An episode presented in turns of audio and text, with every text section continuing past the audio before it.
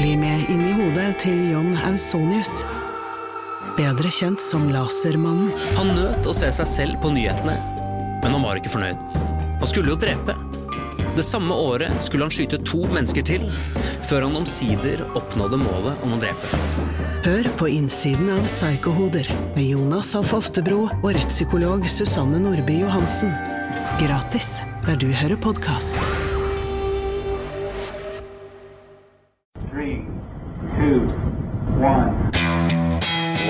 Liftoff. One, two, three, four, five, five, four, three, two, one. Enter bed. Okay, we checked all four systems, and there you go on modulation, all four, and keying with a go. Quality base here. The Eagle has landed. Vi er her igjen, og det er veldig hyggelig at eh, du er her også, kjære lytter. En ny episode av Romkapsel. Eirik Knut er på plass i sommervarmen. Hallo, Eirik. Hei, hei. Hvordan går det med badingen din i Tøyenbadet? Det tøynbadet rives fremdeles. Akkurat nå så er det et svært krater der oppe. Jeg får faktisk sånn månevibbiser når jeg går forbi der, for det er, det er bare grått og støv, og så er det antagelig en god porsjon asbest, for dette er et gammelt hus, så jeg må holde meg unna. Så det ble veldig lite bading. Ja, men du eh, har jo sånn maske allerede som du har 3D-printet selv, så da kan du bruke den og håpe at den holder asbesten borte. Ikke sant? Ja. Nok smalltalk. Eh, vi har eh, lagt bak oss en veldig spennende tid. Forrige episode så snakket vi jo om SpaceX og Crew Dragon, og nå er på en måte Jeg, jeg føler nesten det er litt sånn Apollo Days igjen, uten at jeg husker Apollo Days. Fordi det er litt sånn ny giv og huhei i, i romfartsverden, ikke sant Eirik?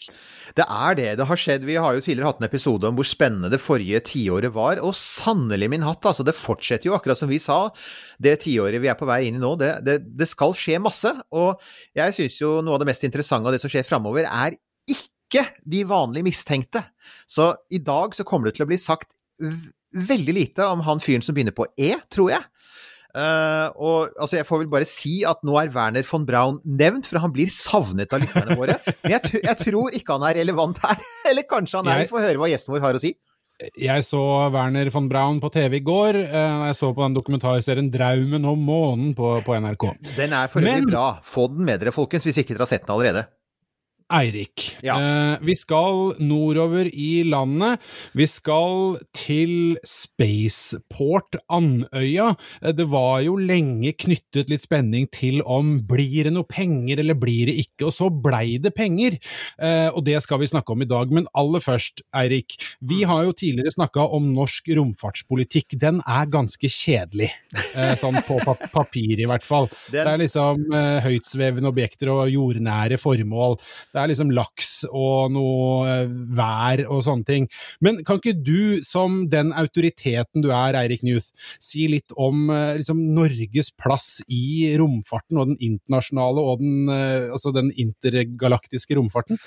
Kan vel si veldig enkelt at altså, vår rolle er å, å jobbe sammen med andre. Altså, vi har fram til nå hatt veldig lite mulighet til å gjøre ting på egen hånd. Så vi har vært gode samarbeidspartnere og bidragsytere, og så har vi alltid hatt et veldig klart blikk for hva som gagner norske interesser. Og norske interesser, eh, ikke nødvendigvis, som du var inne på, ikke nødvendigvis ting som har med rom å gjøre, men veldig mye av det som er i nærområdene våre og, og viktige næringer for Norge.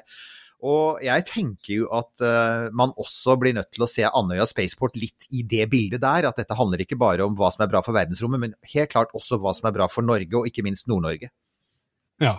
Og så eh, skal vi da kanskje også eh, ta inn eh, vår, vår gjest i dag. Jeg syns det var på tide, ja! ja, det var, det var jo det. Det er det, jeg syns det. For eh, en ting som også, altså i den grad noe er svært i Norge, så kan man jo si at Norge er ganske gode på noe bitte lite. For dette her med disse små, bitte lille små satellittene.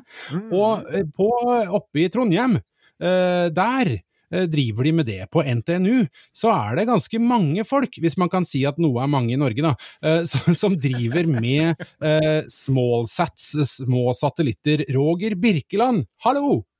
Hallo, hallo.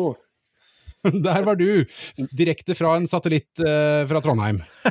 Ja, akkurat nå ikke fra laben min, men eh, fra kjøkkenbordet. Ja. Wow, du har, du har en lab, Roger? Det er jo, altså, det er jo interessant. Ja, vi har en lab. De siste to-tre åra har vi bygd opp et uh, konsept vi kaller Small Satellite Lab på NTNU. Der vi nå er i gang med å bygge uh, i første omgang én liten satellitt og kanskje et par til. Mm, men er det da sånn, det laboratoriet, er det sånn at det er skjult uh, ute på en åpen slette hvor det er et bitte lite hus, og så er det en sånn heis som går kjempelangt ned i bakken, og under der så er det et svært, enormt laboratorium? Nei, det er dessverre ikke så kult. Det, det er det ikke. Vi, mm, vi fikk eh,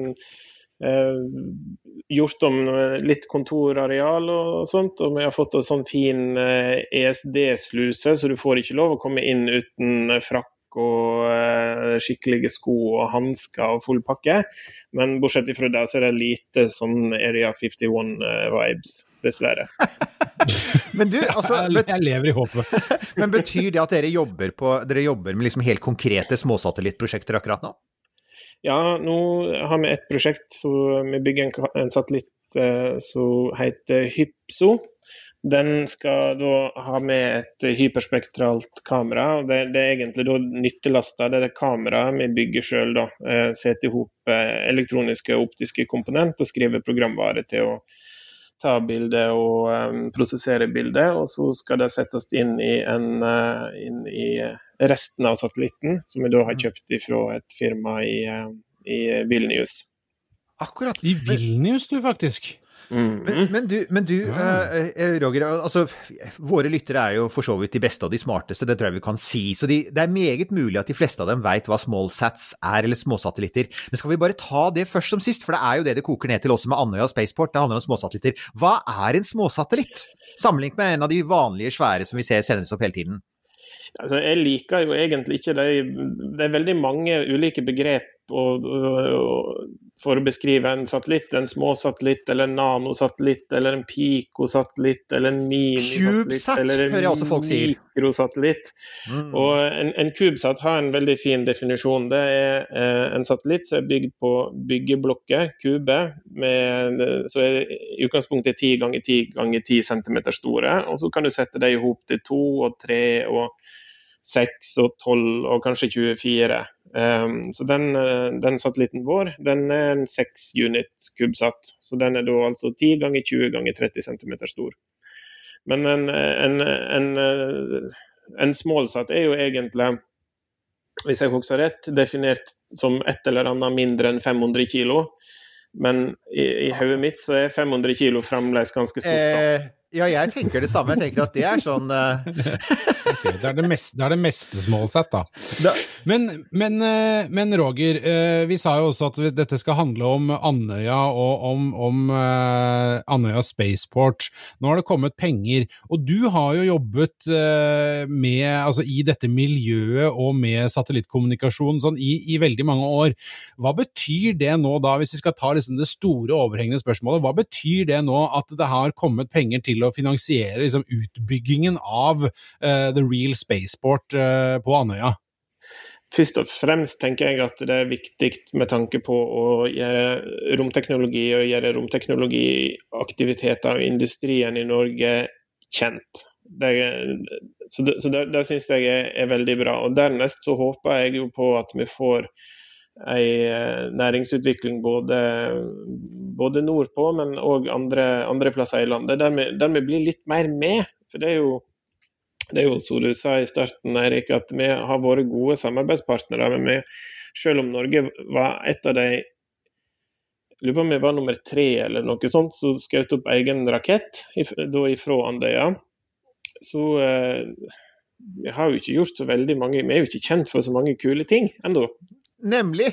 Men du, der sa du noe viktig. Altså, Andøya, Folk som er interessert i romfart i Norge, har jo hørt om Andøya rakettskytefelt, pleide vi vel å kalle det. Og så er det altså jeg antar at grunnen til at man valgte Andøya nå også, er at man har erfaring med raketter der fra før? Eller er det, er det fordi det er et miljø der, eller er det rett og slett geografien? Jeg tenker at Det er jo en kombinasjon, men uh, du hadde ikke fått til dette her uten miljøet, tror jeg. Du kunne jo sikkert hatt den samme geografien hvis du bygde på Nordkapp, men det er ikke sikkert det hadde blitt like populært. Si for, for, alle oss som bor sånn sør for Sinsenkrysset, så er det vel sånn at jeg tror mange ikke er klar over at det er jo faktisk et anlegg der oppe nå også, ikke sant? Det er jo folk der, og det er jo et miljø, og de skyter opp raketter hele tiden? De skyter opp eh, flere raketter i året. Mm. Både ganske store forskningsraketter som går mange tusen kilometer opp i, eh, i, eller ut av atmosfæren og opp i verdensrommet og gjør målinger, og ramler ned igjen etter noen minutter. Og så um, har de jo òg masse kurs for um, både studenter og elever på, på ulike nivå der en får være, være på Andøya ei uke og lodde og bygge sin egen rakett. Og eh, ta rollene til eh, i oppskytinga som, eh, som mission director og pad security og alle de tinga der. Og være med og kjøre ei rakettoppskyting. Og det er veldig, veldig, veldig kult. Det er kjempekult. Jeg har vært der én gang og sett dem gjøre det. Jeg vet ikke om du er klar over det, Nils Johan, men det er faktisk mulig for unge folk i Norge å være med på å skyte opp en rakett. Er det fortsatt mulig for uh, middelaldrende folk å være med å skyte opp en rakett? Jeg, jeg, mener at noen burde invitere oss til å være med å gjøre det. Trykke på knappen. Men du ja.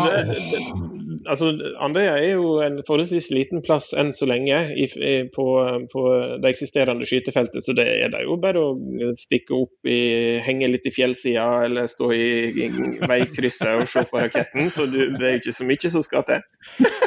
Hvis Men, vi bare drar opp og står og blomstrer deg litt, Eirik, med med, med T-skjortene våre, tror du vi kanskje blir invitert inn? Jeg, så, jeg, jeg, får håpe det. Vi, kan, ja, vi må ha på C-skjortene. Da, da, tror jeg det. Vi, ja. Det regnes som sånn adgangspass.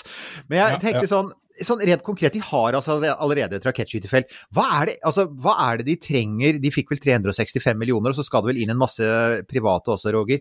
Hva er det de trenger de pengene til? Hva er det man faktisk skal bygge der oppe?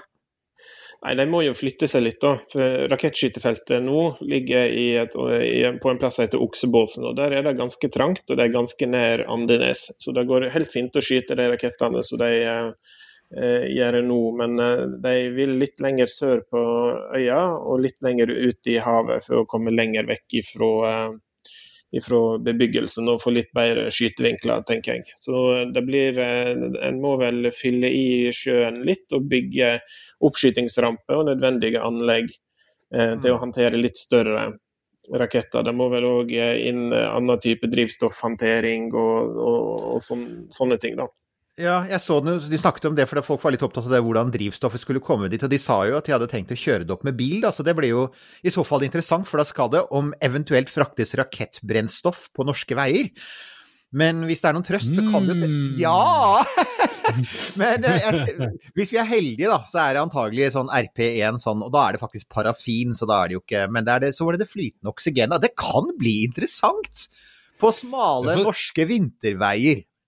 Jeg får si som, eh, som eh, den, du vet den spøken de hadde om eh, gode gamle Werner von Braun, at uh, I, aim for, I, aim for, I, aim for, the moon, but sometimes I hit London. Uh, og da er det liksom uh, aim, We aim for space, but sometimes we hit Andenes.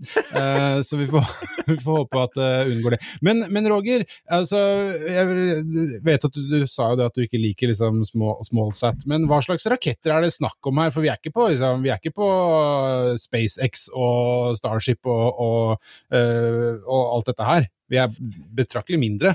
Ja, og der, dette der er et litt vanskelig spørsmål. For akkurat nå så er det jo ikke så veldig Det, det er veldig mange planlagte såkalte small set launchers da, som vil inn og prøve å ta et, en marknad i å skyte opp små satellitter. Um, men det er jo ikke så veldig mange av de som faktisk har, har kommet ut i lyset. Så jeg, jeg vet rett og slett ikke. Men eh, jeg tipper at eh, kanskje raketter som kan skyte opp i noen hundre kilo, opp til et tonn, kanskje. Men, eh, men jo, ja. Ja, Roger, jeg så jo det samme selv. Jeg har også forsøkt å researche dette her. Og det sies egentlig veldig lite fra Andøya også om, om, hva slags raketter de tenker seg å skyte opp. Og jeg er jo litt nysgjerrig på det rett og slett, for de har jo en tidsplan. Og de sier at uh, første kommersielle utskyting fra interim utskytingsrampe kan skje allerede til neste år.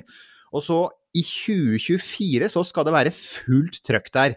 Og da er også jeg litt sånn fascinert av altså, på en måte hvilke raketter det blir, for jeg, jeg, antar at på et eller annet tidspunkt så må det jo gjøres noen kontrakter med noen, tenker jeg. Altså, du må jo få noen inn og si nå For det er jo ikke det må vi jo vel kanskje også si, det er jo ikke på Andøya at rakettene skal bygges. Altså, man skal De er oppskytingsplattformen, og så skal de få så skal de få folk til å sende opp rakettene sine derfra. Er det ikke sånn det fungerer? Jo, det er jo det. Så uh, Andøya Spaceport blir jo en slags operatør, eller en flyplassanalogi. Er jo, Ikke sant. Det er akkurat det. Er jo Ja. greit. Andøya blir Baikonur! Ja, bortsett fra Ja, bortsett ifra ganske mange ting, tror jeg. Ja. Bestverk og sånne ting. Ja! Altså, vi må, en av de tingene vi må si altså, det, er jo, altså, det er jo mange eh, Det er jo mange ting som kan sies om Andøya, men en av de tingene som, som jeg vet at ikke minst Andøyas konkurrenter, for de er jo der ute, har vært litt opptatt av, det er jo dette med hvilke retninger man kan skyte i, Roger. Kan ikke du si litt om det? For at der er det jo da Konkurrentene er veldig nøye på å si at Andøya har noen begrensninger. Ja, Andøya har sikkert begrensninger i å skyte, skyte sørover og sånn, men på en, annen måte, på en annen måte så kan Andøya skyte eh, ganske god spredning nordover, sånn at du Mm. dekker de fleste av de mest populære såkalte solsynkrone banene, polarbanene, Mm. som er mye brukt til jordobservasjonssatellitter. Um, og, og det er jo Andøya har jo konkurrenter f.eks. i S-range i Sverige, som ønsker seg litt av det samme. Og eh, Azorene og eh, flere forskjellige plasser i Skottland. Men der er vel, eh, er vel kanskje begrensningene større, sånn at du må gjøre litt, litt flere banemanøvrer med raketten for å komme opp i bane, og da koster det drivstoff, da. Ja, for det er jo en av de tingene som jeg har skjønt med disse her små rakettene og små satellittene, er at det er mye knappere marginer på sånne ting som drivstoff, f.eks. Så altså, det kommer ikke på tale hvis man skal bruke disse rakettene om igjen og lande dem sånn som SpaceX gjør med Falcon 9, rett og slett for de har ikke noe drivstoff å bruke. Ikke sant? Alt må til for å sende disse her små satellittene opp, i- opp i rommet. men men, eh, men jeg tenker at vi kommer jo på en måte ikke forbi at også i dette markedet, da, så finnes det jo et slags SpaceX, og de heter Rocket Labs. Ikke sant? Har du et enkeltpersonforetak eller en liten bedrift? Ikke det? Nei. Nei, men da holder vi det enkelt og gir oss her. Fordi vi liker enkelt. Fiken superenkelt regnskap. Ja, de er holder til på New Zealand, så da blir det en sånn fin eh, norsk parallell. Ytterkantene i, i verden ligger veldig bra til på, eh, til å sende, sende ting opp i polare baner, siden vi ligger langt nord og, og eh, langt sør. Ikke så langt sør som, som andre nord, men, mm. men. Ja, har de- store geografiske fordeler der, da. Ja, De har jo noe av det samme. altså En av fordelene vi har på Andøya, er vel at, det, at du har liksom hele, du har hele Nordishavet som er mer eller mindre tomt, så du kan skyte over. Mens du har store deler av Stillehavet fra New Zealand når du skal skyte, skyte nordover. og Rocket Labs, det er jo en viktig forskjell kanskje, og det er at de har allerede en plattform nede på New Zealand på et sted som heter Mahia. Og der skal de, de tilbyr allerede opptil 120 oppskytninger, og de har allerede altså skutt 11 av disse nye rakettene sine, Smallsat-rakettene, som heter eh, Electron, som er en innmari kul rakett. Og jeg tenker, når jeg hører det, tenker jeg Altså, jeg, jeg, jeg antar at man når, når, når Andøya ser hva Rocket Labs holder på med, og hvor ekspansive de er, at de, de må jo bli litt bekymra. For dette er, dette er dette er sånn, igjen, det er litt sånn SpaceX-aktig. altså øh, øh, Lederen heter Peter Beck, og han er sånn ekstremt energisk. Ja, altså du, du kan jo si det på den måten der, men hvis en ser på de prediksjonene av antall satellitter som skal opp de neste fem til ti åra, så holder det ikke med oppskyting én plass, og det holder ikke med én type rakett. Du må ha mange, mange plasser. Um, så kan en jo alltids diskutere om de, de prognosene på antall satellitter er holder mål eller ikke, men, men um, nå er jo uh, SpaceX f.eks. i gang med å skyte opp Starlink-nettverket med kommunikasjonssatellitter. De skal jo ha mange tusen satellitter. OneWeb likeens. Og de satellittene blir jo bygd med en ganske kort levetid, for du, både for at de skal gå i lave baner, og for at du vil holde tritt med teknologiutviklinga. Så da, da bygger en med kanskje fem års levetid på satellittene. Og da må en jo til hver tid skyte opp like mange som ramler ned. Det er et godt poeng, ja. Og, og det er snakk om ganske mange hundre satellitter i, i, i året. Så hvis du skal f.eks. ha 5000 satellitter i en konstellasjon, og de har levetid i fem år, så må du erstatte 1000 satellitter i året kontinuerlig. Og Da kan det bli plass til mange oppskytingssites. Det er greit å ha litt å velge i, at det er litt konkurranse inne på dette feltet. For det vil jo bli da sånn at, at f.eks. Andøya sier at hei, her er vi, alle som ønsker det kan komme hit og leie plass av oss og få skutt opp sine greier. Så lenge det ikke er noe sånn farlig på tuppen, da, vel å merke. ja, prøv å unngå det, tror jeg. ja, ja. Space skal jo helst være en sånn fredelig plass, da. De fleste er enige om det. Mm. Helst, ja. Helst. Det er, jo, det er jo noe, altså jeg ser jo også at når de som allerede er i markedet skal selge inn dette for Hvis folk lurer på liksom så, jo, men hvis du uansett sender opp en rakett, liksom, hva er fordelen med smallsats? Og det de ofte sier er vel det er pris, ikke sant? Det er veldig mye billigere. Rocket Lab sier at de kan sende opp en satellitt til seks millioner dollar, som høres mye ut, bortsett fra at det fort koster ti ganger mer med andre. Og så er det dette her med fleksibiliteten, med at liksom de er små, og kan opp, liksom, de kan sende opp når som helst og hvor som helst, mens disse her store rakettene, der må du ofte planlegge nøyere, er det ikke sånn? Jo, det er jo sånn. Og der, der sitter jo vi midt i det med prosjektet vårt på, på, NTNU og skal planlegge og kjøpe launch. Og akkurat nå så gjør vi som alle andre, vi må heike med en stor oppskyting. Og det blir planlagt mange måneder uh, fram i tid. Og um, da er en fullstendig underlagt hva som skjer med den hovednyttelasta i, i, den raketten. Ikke sant. Og ikke bare det, men du er vel i, i, stor grad også, så må du vel følge mye av den samme banen, må du ikke det? Altså, de... Jo, det må du òg. Så du, du, må ta det du får. Så da, Du får ikke velge noe som helst. Du får ikke velge oppskytingstidspunkt, ikke velge bane og, og sånne ting, men du kan du må ta det som eh, passer best og kommer nærmest. Så Det er jo det mange håper blir det store konkurransefortrinnet både til Andøya og andre sånne small set launchers. At, uh, at du skal kunne på et par måneders varsel uh, skyte, opp, skyte, opp en satellitt, eller hvis du skal hvis du skal gjøre vedlikehold på en konstellasjon, så kanskje du kan skyte opp bare med noen få ukers varsel. Og det vil jo være helt, eh, helt nytt. Så, ok, så, så, hvis jeg forstår det sånn, da, som, som liksom sitter og er den raljanten som jeg er, så, så er det sånn at, at uh, altså, Andøya Spaceport i seg sjøl er liksom ikke så innmari unikt og spesielt, men det er uh, et eller annet med det det tilbyr til totalbildet, at, at uh, det tilgjengeliggjør tilgangen til verdensrommet, da, at det blir enklere for alle, og alle som måtte ønske å ha, få et eller annet annet, en eller annen satellitt opp, kan gjøre det uh, uten da, som du sier, Roger, å måtte forholde seg til en eller annen svær oppskyting som uh, skal foregå? Ja, men det er jo unikt på den måten at uh, per i dag så kan vi jo ikke skyte opp satellitter fra Europa, f.eks.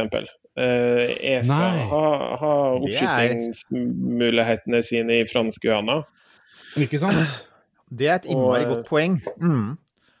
Og, og, det, og det har jo ja, da, da vil en jo være avhengig av enten USA eller Russland eller Kina eller, eller India.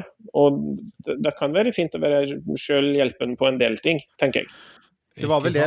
Jeg snakket jo med eh, Marianne Vinje Tantilo, som jo er vår faste gjest der.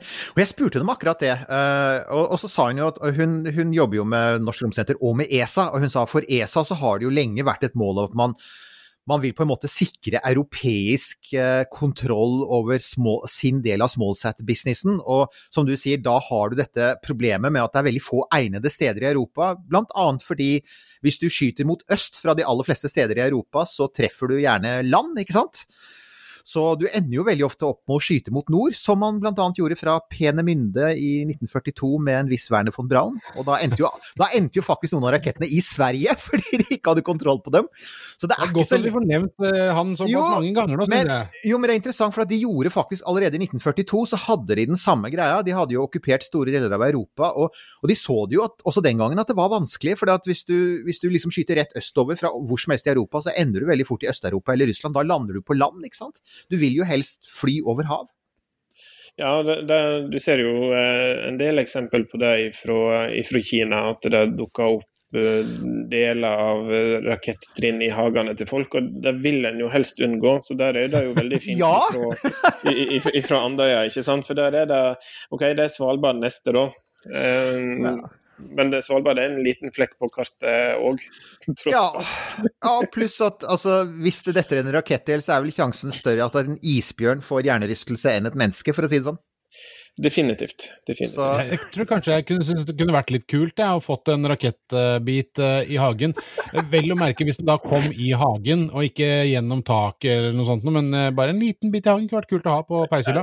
Ja, er du sikker på det? Sånn med, Nei, med nei, nei, ymse, ymse typer rakettdrivstoff og uh, ja, hva, hva er det, det er jo Du er inne på det. For jeg, hvis du putter sånn f.eks. 'Chinese Rocket on Village' i Google, så vil du se at det er ikke bare i hagen. altså Noen av disse rakettene har jo gått gjennom hustak.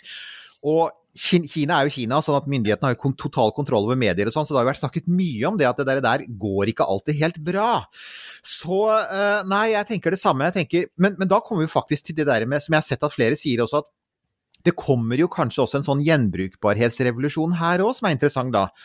For det snakker jo, altså Rocket Lab snakker allerede om at deres lille elektronrakett, altså lille, den er 17 meter høy og halvannen meter i diameter, så det er ikke noen liten rakett, den er bare veldig liten sammenlignet med sværingene. Eh, De vil jo gjerne gjenbruke førstetrinnet, men de, de kan jo ikke da lande det på rakettflamme pga. brennstoffbegrensninger, så de skal altså da skyte den opp, og så når den kommer ned igjen, så skal den dale under fallskjerm, og før den lander i havet, hvor saltvannet kan ødelegge raketten, så skal de plukke den opp med helikopter i flukt. Hei sann! Og det er helt rått! Men altså, poenget er at amerikanerne har faktisk gjort dette siden 60-tallet. For på 60-tallet, før spionsatellitter kunne sende signaler fra verdensrommet, så tok de fotokapsler fra spionsatellitter og plukket dem opp på samme måten. Så det er teknisk mulig å gjøre, men jeg bare tenkte oi, så kult! Og da begynner jeg å tenke, får vi kanskje om noen år en helikopterbase på Bjørnøya som skal plukke opp førstetrinn fra raketter, Roger? Ja, det var jo et eh, bes, besnærende spørsmål. Det, det, Jeg er tenker at det bør til. Det, det, det kan en jo tenke seg. og er jo, det er jo masse som skjer på, eh, på, på droneforsking og flyging Ja! autonome ting. Sant? Så du kan sende, sende ut eh, autonom eh, drone på et vis til å eh, huke tak i en rakett. En diger drone som Og det hadde vært artig! Det hadde jo det. Men du Jeg, sa jeg liker hvor eh, liksom avbalansert du svarer på Eiriks eh, litt sånn Ja, ja. eh, Coco, Nei, jeg- Coco Bananas-ideer her, Roger. Det er veldig, det er veldig bra. jo, men Nei, men det dette er- der er jo en seriøs ting, da. In- ingenting koko bananas. bananas Nei, eh, nei jeg sier, jeg, vi, vi må få forsøke å få lagt ut noen lenker, Nils Johan. Fordi det finnes noen videoer der ute av noen sånne testturer, noen testprosjekter som em, amerikanske forsvaret gjorde for en del år siden, hvor de faktisk hentet sånne rakettrinn eh, med helikopter sånn, og snatcha det før det lander i havet. Det ser jo helt vilt ut. Men det er klart, eh, hvis du har en, du har en fallskjerm, og du har sånn svær, eh, et helikopter med en lang vaier med en diger krok i enden, så er det jo fullt mulig å gjøre det når man tenker på det, men det er mer den der digre svingende rakettdingsen som ikke trekker ja. Helikopteret ned Ja. i sjøen. Ja, ja, ja. ja, men dette blir gøy. Jeg gleder meg til å følge utviklingen, definitivt. Uh, det gjør jeg. Men, men eh, Roger, uh, med, med hvilke øyne måte ser du og ditt miljø på det som da nå skal, skal skje på, på Andøya? Forhåpentligvis er det da sånn at dere sitter og tripper og håper på at uh, det bare får det på, for vi er klare til å blaste off. Ja, det er jo én ting, og, men eh, det er vel ingen eh, Det er ikke norske kunder som kommer til å drive, drive businessen på Andøya, for å si det sånn. Så vi blir jo eh, små i forhold, men det, det er helt klart at vi gleder oss over dette der. Og det blir veldig spennende å se hva de får til på Andøya. De har jo et veldig godt sånn publikumstekke, vil jeg si, og har laga seg et sånn kjempefint besøkssenter. Det er jo ikke nødvendigvis så mye om eh, Det er ikke bare om, eh, om skytefeltet, men det er jo om masse med, med forskning og raketter, og, eh, og du kan reise på tur til sola, og nå kan du vel reise på tur til Mars og, og sånt. Så, det, så de har en veldig viktig rolle på sånn outreach òg, tenker jeg. Og den vil jo bli enda større. Og så er det jo en ting som jeg ser på, på når de har sånn ofte stilte spørsmål. Et spørsmål de tydeligvis har fått ofte, og som de da har svart på, er hvor kan man best se rakettoppskytningene fra? Ikke sant? Og det de jo sier, som jo er helt sant, er jo at eh, geografien på Andøya er vel sånn at uh, altså når du skyter opp, så er du ut mot havet, så er det liksom Det kommer til å ligge ut mot havet, dette anlegget, ikke sant? Ikke inn mot land. Ja. Ja, og det vil si at, at du kan ikke se selve takeoffen direkte inn fra land, men det du vil se, er selvfølgelig så snart den klarer fjellet og, og begynner å gå opp i atmosfæren. Og disse skal jo høyt, disse skal jo altså opp i lav jordbane, og det blir Altså, det blir jo mye større raketter enn det det har vært før, ikke sant? Altså, igjen, Electron er 17 meter høy, men kanskje ikke så høy, men de blir mye høyere og kraftigere. Kan dette bli en turistattraksjon, slik det nå er på ja, Cape Canaveral og på Vandenberg og andre steder? Altså jeg tenker Det er jo en kjempepakke. Kjøp eh, hvalsafari, eh, sånn eh, Yes! simuler, simulert tur til, til Mars. Og avslutt med middag med, med rakettoppskyting. Blir det bedre? Og det, det, det, en, det, eneste som kan toppe, det eneste som kan toppe det, er livestream fra kjempedronen som tar av fra Bjørnøya og snatcher første trinnet i midnattssol! Ja, det er til dessert, det. Det er Det er, desserten. det er eh, desserten! Du sitter her, for det har fløyet 400 km nordover. Men, En men, crème brulé og dronefangst. men, men tenk sånn helt seriøst rundt dette. Men du sier, altså, du har jo sett på dette smallset-markedet en stund. Hvor, lenge, hvor lenge har du fulgt det nå? Eh, Jeg har jobba på NTNU i eh, ti år, og Mm. eh, jeg begynte jo å egentlig se på CubeSats og sånt lenge før da. Så, eh, og det har jo bare gått én vei. Eh, Når eh, CubeSats begynte, det begynte jo som et eh, universitetsprosjekt på, eh, på Stanford og Cal Poly med to ganske artige professorer som starta det sånn ca. i, i eh, 2000. Og da var det jo for å gi studenter en mulighet til å, å få hands on erfaring med ting som kan i verdensrommet. Og det var vel ingen som helt trodde at de to karene var spesielt rett navla. Men det har jo blitt en kjempesuksess. Og det var jo, har jo gått ifra å være bare eh, sånn eh, tinkering-prosjekt eh, i starten, til å så bli ganske stor business. da. Nå er det jo eh, forskningssatellitter og kommersielle satellitter som er basert på den CubeSat-standarden. Har det ikke tidligere er vært jo- ja, den, den, den, Det er jo bare en løs standard. Den sier jo egentlig bare no, noe om formfakta, hvordan satellittene skal se ut. Hva, hva som er inni. Det er det jo ikke noe begrensning på, egentlig. Så det kan brukes til hva som helst. Så det, det har skjedd utrolig mye de siste eh, 20 åra.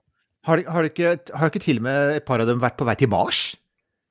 Jo, det har vel vært eh, på vei til både månen og til Mars. Og der, der er mm, Jeg mener å huske at JPL og NASA har et eh, prosjekt eh, på det nå. Eh, Så, det, så interplanetariske cubesats er òg en ting.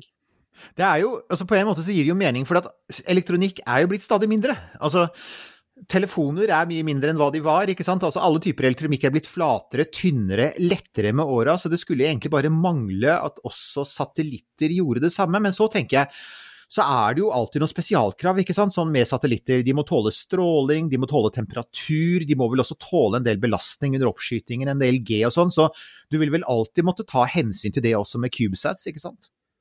Du må ta hensyn, men eh, så spørs det hva formålet ditt er. Det er jo flere som har sendt opp uh, smarttelefoner, f.eks.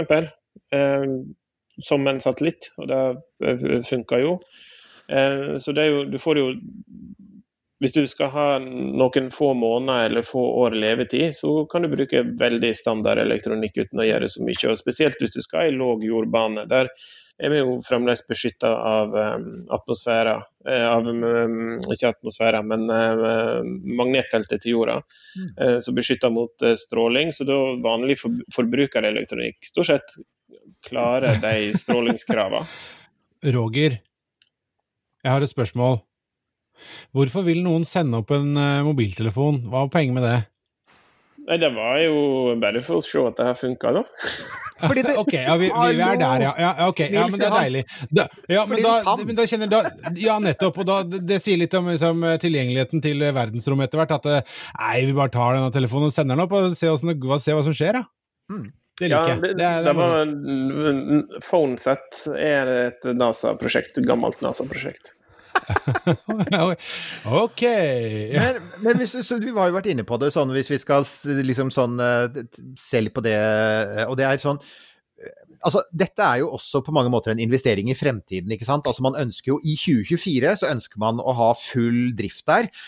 Og så er jo planen selvfølgelig at dette, dette er jo svært anlegg, så det skal jo ligge der i antagelig tiår. Og, og hva, hva, tror du om dette smallsat-markedet? Sånn, jeg ser at han, igjen, han Peter Beck i, uh, i Rocket Labs, han sier at 2500 oppskytninger i løpet av ikke altfor mange år ser han på som realistisk. Og han, han ser egentlig bare for seg at dette kommer til å vokse og vokse. Hva, hva, hva tror du, Roger?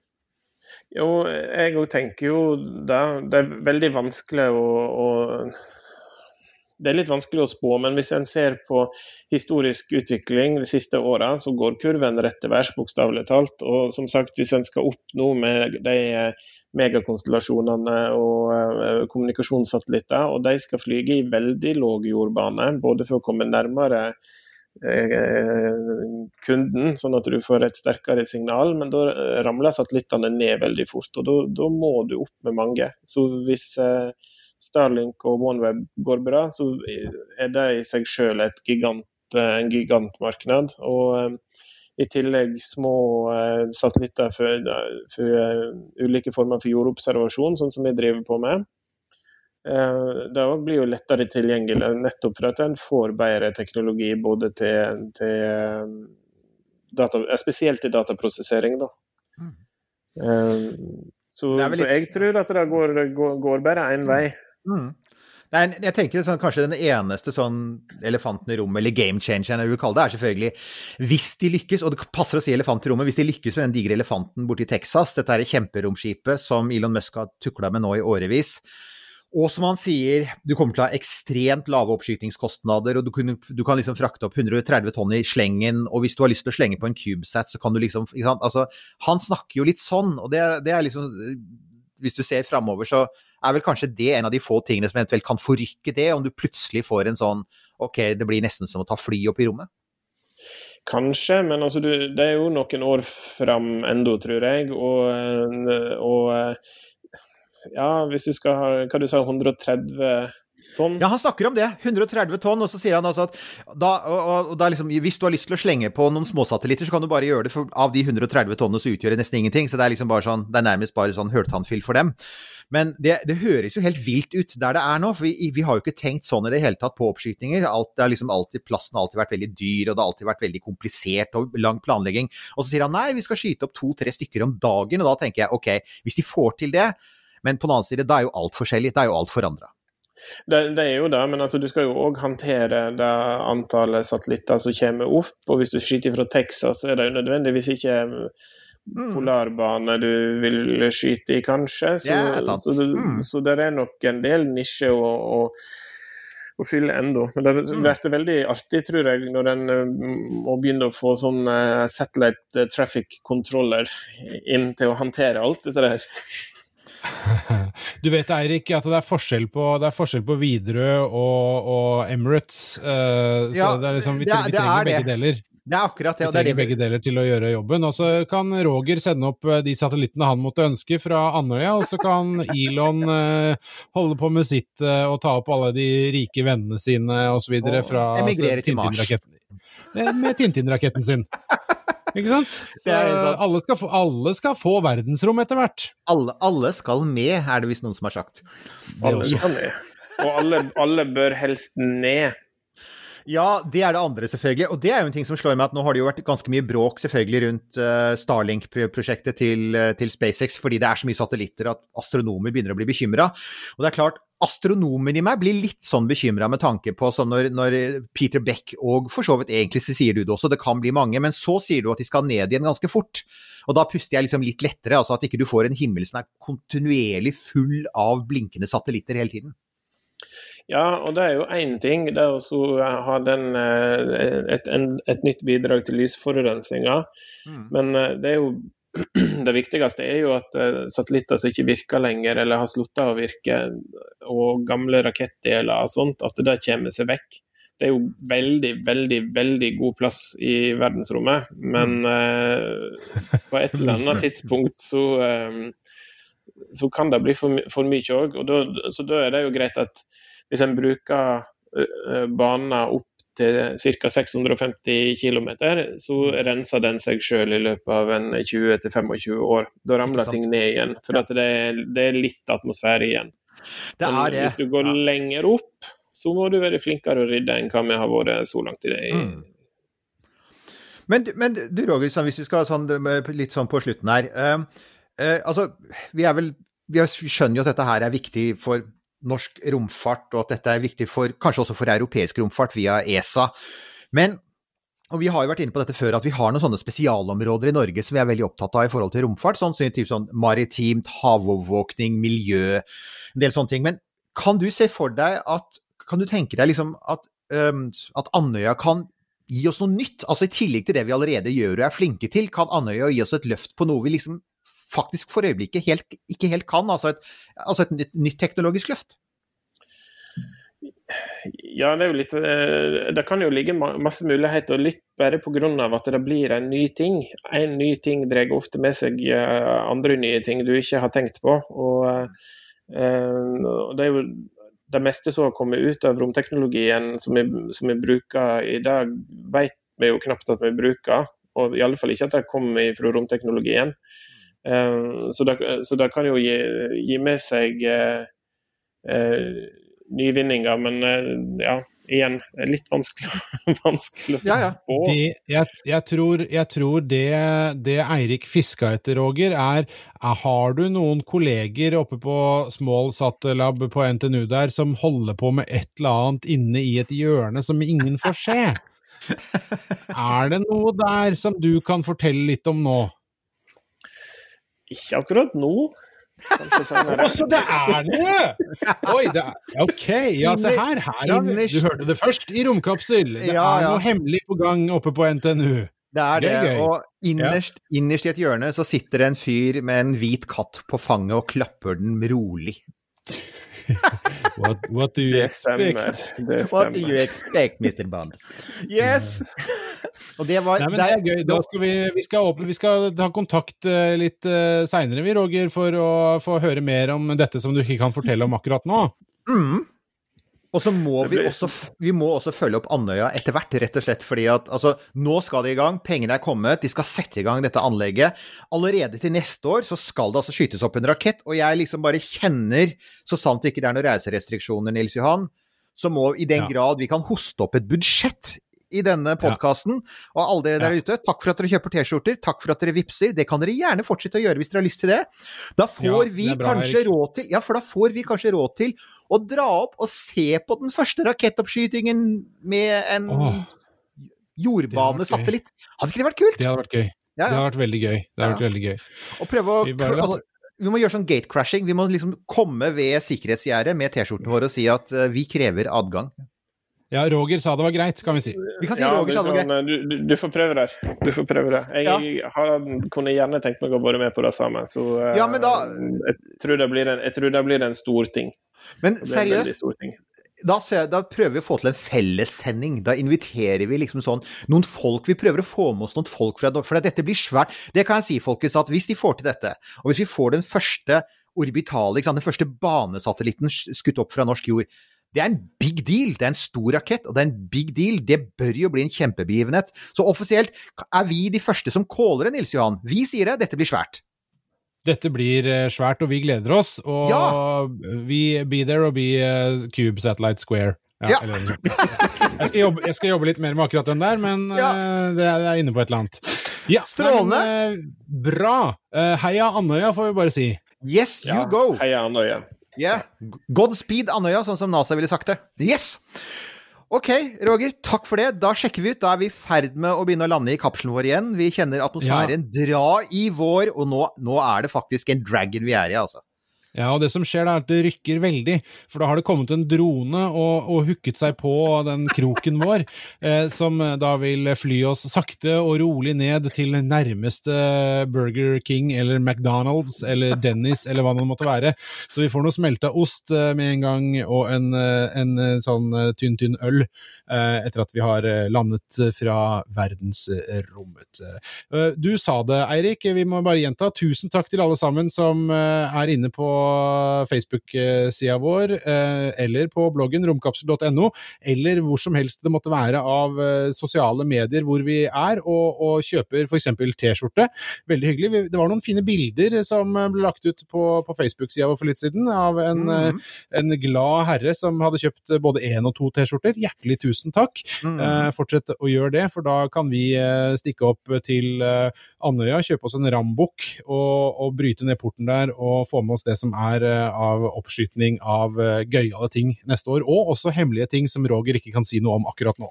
Ja, for vi må stikke innom NTNU før vi er oppe på Andøya, så får vi se hva som skjer.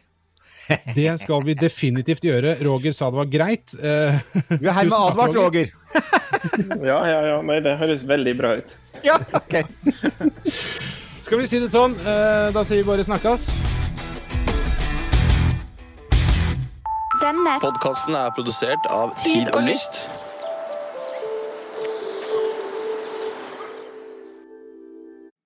Har du et enkeltpersonforetak eller en liten bedrift? Da er du sikkert lei av å høre meg snakke om hvor enkelt det er å levere skattemeldingen med fiken, så vi eh, gir oss her. Fordi vi liker enkelt. Fiken superenkelt regnskap.